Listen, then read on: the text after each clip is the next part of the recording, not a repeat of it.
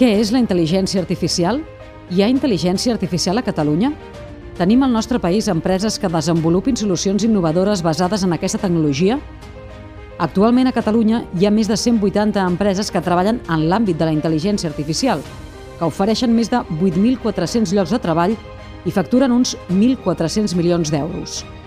Des de la Cambra de Comerç de Barcelona i el Hub Cambra Digital, juntament amb el Departament de la Vicepresidència i de Polítiques Digitals i Territori de la Generalitat, presentem aquesta sèrie de podcasts que us aproparan a la intel·ligència artificial a través d'entrevistes amb persones que ja apliquen aquesta tecnologia per millorar les seves empreses i productes. Ens acompanyes?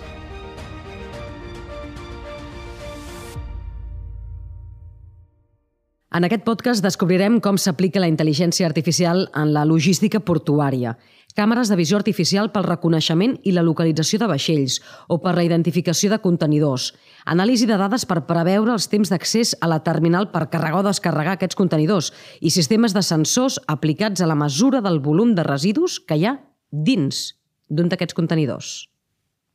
I per endinsar-nos en l'aplicació de la intel·ligència artificial en la logística portuària, ens acompanya Ruth Pablo, que és cap de transformació digital al Port de Barcelona, el principal hub logístic de la Mediterrània i del sud d'Europa. Benvinguda, Ruth Pablo. Molt bon dia. Està canviant molt el Port de Barcelona gràcies a la intel·ligència artificial? Bueno, nosaltres al Port de Barcelona tenim més de 200 càmeres. Eh, tenim un projecte amb el qual duplicarem el número de càmeres que hi haurà al port i això és un element que visió artificial, juntament amb la intel·ligència artificial, ens dona la capacitat de incorporar informació de manera no intrusiva, és a dir, obtenir informació, automatitzar la manera en la que són capaços d'agafar aquesta informació, poder identificar diferents elements actius que hi ha dintre del port, geoposicionar-los, llegir continguts alfanumèrics, eh, analitzar comportaments del que està passant dintre del port eh, mesurar volums, eh, fer prediccions, etc. Per tant, és un, un element molt important. Ens hem d'imaginar que tot això abans ho fèieu preguntant o moltes d'aquestes tasques ni tan sols es, es feien? Hi ha moltes tasques que no es feien, altres que es feien amb altres infraestructures tecnològiques, com llegir matrícules, etc.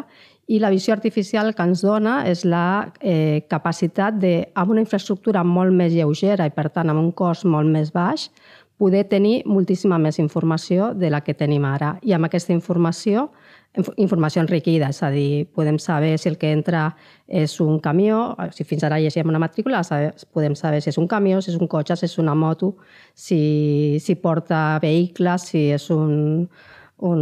Ho podeu saber tot, bueno, pràcticament. Tot, sí, podríem arribar a saber gairebé tot. No? Tot el que es pot veure es pot reconèixer. Això simplifica o complica la gestió d'un port com el de Barcelona, que és tan important? Això ha de simplificar la, la gestió del port perquè permet automatitzar processos, permet eh, donar traçabilitat a la mercaderia i, per tant, donar serveis als clients i permet també fer més eficient l'operativa. I, sobretot, això, no? poder tenir informació sense ser intrusiu. Um, la intel·ligència artificial també us permet fer, per exemple, previsions d'accés dels transportistes a, a, a les terminals. Eh? Eh, quina millora aporta des del punt de vista de gestió del temps, de càrrega, descàrrega dels contenidors i també els transportistes eh, com treballen ara? No sé si per ells això és també un, un plus. Sí, eh, principalment aquest projecte s'ha adreçat als transportistes. A nosaltres ens preocupa el benestar dels, dels transportistes. Una persona que hagi de venir a buscar un contenidor, si sap que hi ha un temps d'espera molt alt, eh, pot organitzar-se eh, el seu dia i la planificació de les empreses de transport i també del, del propi transportista doncs, eh, és important. No? Al final, la gestió del temps és important per tothom. No? Um, dins el port, tot es mou amb tot, menys amb avió, que avió no, no, no, toc, no toca, està molt a prop l'aeroport, però l'avió no, no, no, no us toca. Aquesta mobilitat també es pot controlar millor amb la intel·ligència artificial, amb l'aplicació eh, d'aquesta nova tecnologia?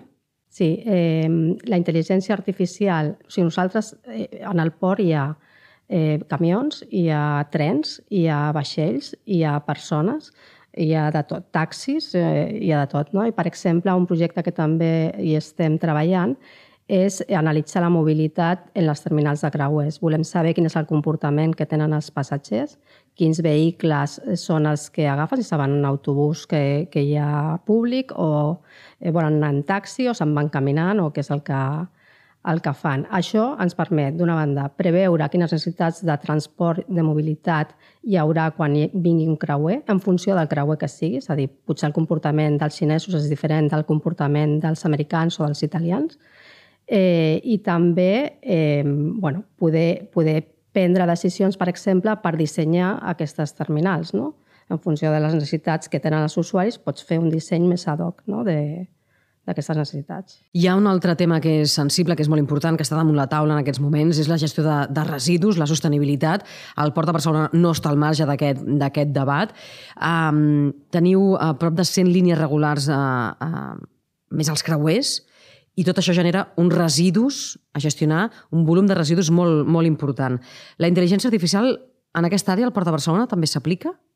Sí, aquí estem en un projecte eh, que estem fent amb un sensor líder i aplicant intel·ligència artificial. Un sensor líder el que fa és mesurar-te, eh, en aquest cas, no? ens, ens permet mesurar el volum, perquè els residus en el món marítim no funcionen com en el món restant. No? Com, com, el restant com funciona per pes i en el món marítim per volum. Llavors s'emplenen contenidors i diu doncs hi ha tants metres cúbics de, de residus.